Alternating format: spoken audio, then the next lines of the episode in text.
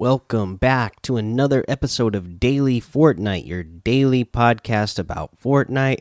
I'm your host, Mikey, aka Mike Daddy, aka Magnificent Mikey. So, not a lot of news today, not really any news today. So, what we're going to do is just head straight on over to challenges because we do have a new set of challenges uh, for uh, the week. Uh, so let's go ahead and take a look at what these are, or quests, I guess, is what we are calling them, right?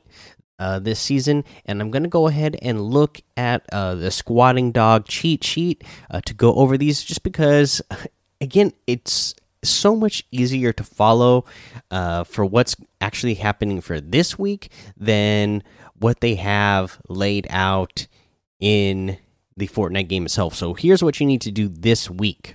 Okay, you need to get headshots, and this is the one where you can. Uh, you know, this is the timed challenge, so you have seven days to get this challenge done.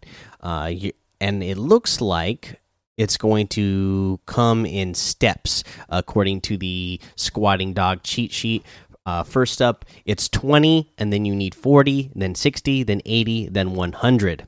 Again, this is the one that you can have uh, party assist on, uh, with, and you know they like they say recommend for players. And what I would recommend, this will be the the the tip for the the weekly challenge today is of course, to head over to Team Rumble because that is a great way to get it done. Just grab yourself an SMG and go to town in each match until you eventually get to the step uh, for 100. Should be pretty easy to do in there. Uh, blow up fishing holes at Sharky Shell, Sweaty Sands, or Flopper Pond. You need three. You need to blow up fishing holes at Lazy Lake Island, Lake Canoe, and Steamy Stacks, three in total. Signal the Coral Buddies.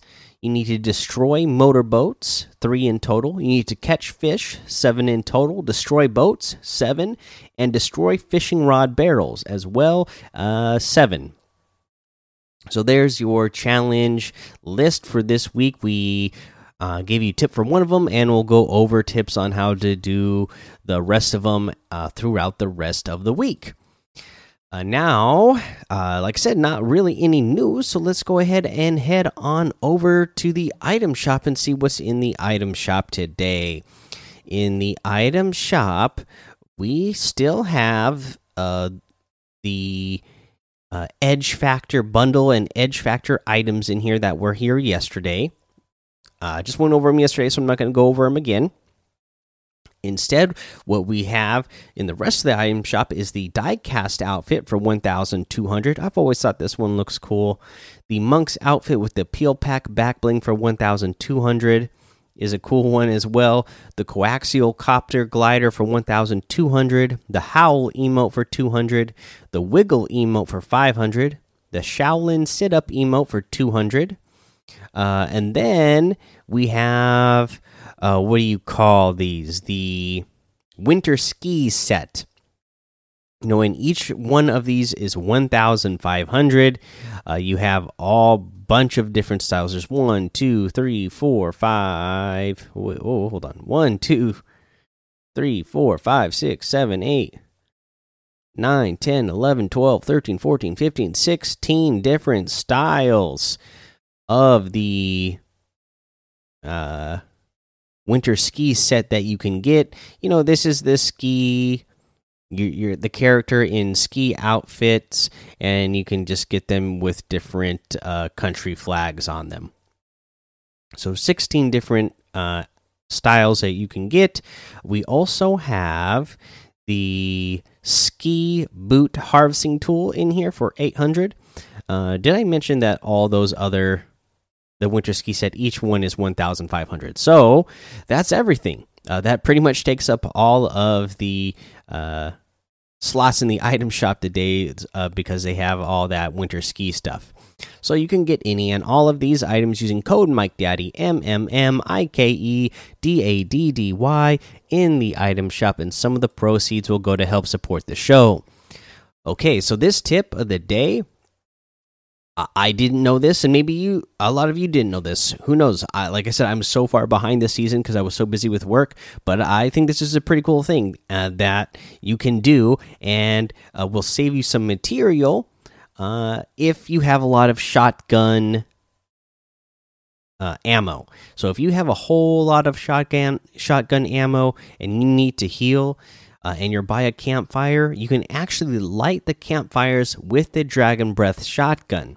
That way, you don't have to waste your material.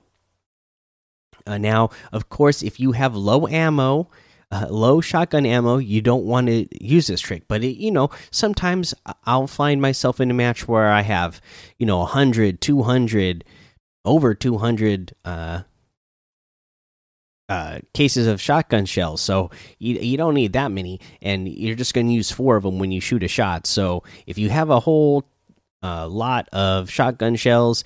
Uh, go ahead and light that fire with your Dragon Breath shotgun. That way, you're not wasting uh, your materials.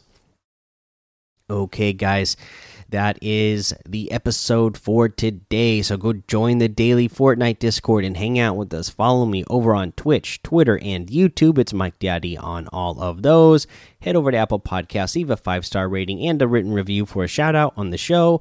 Make sure you subscribe so you don't miss an episode. And until next time, have fun, be safe, and don't get lost in the storm.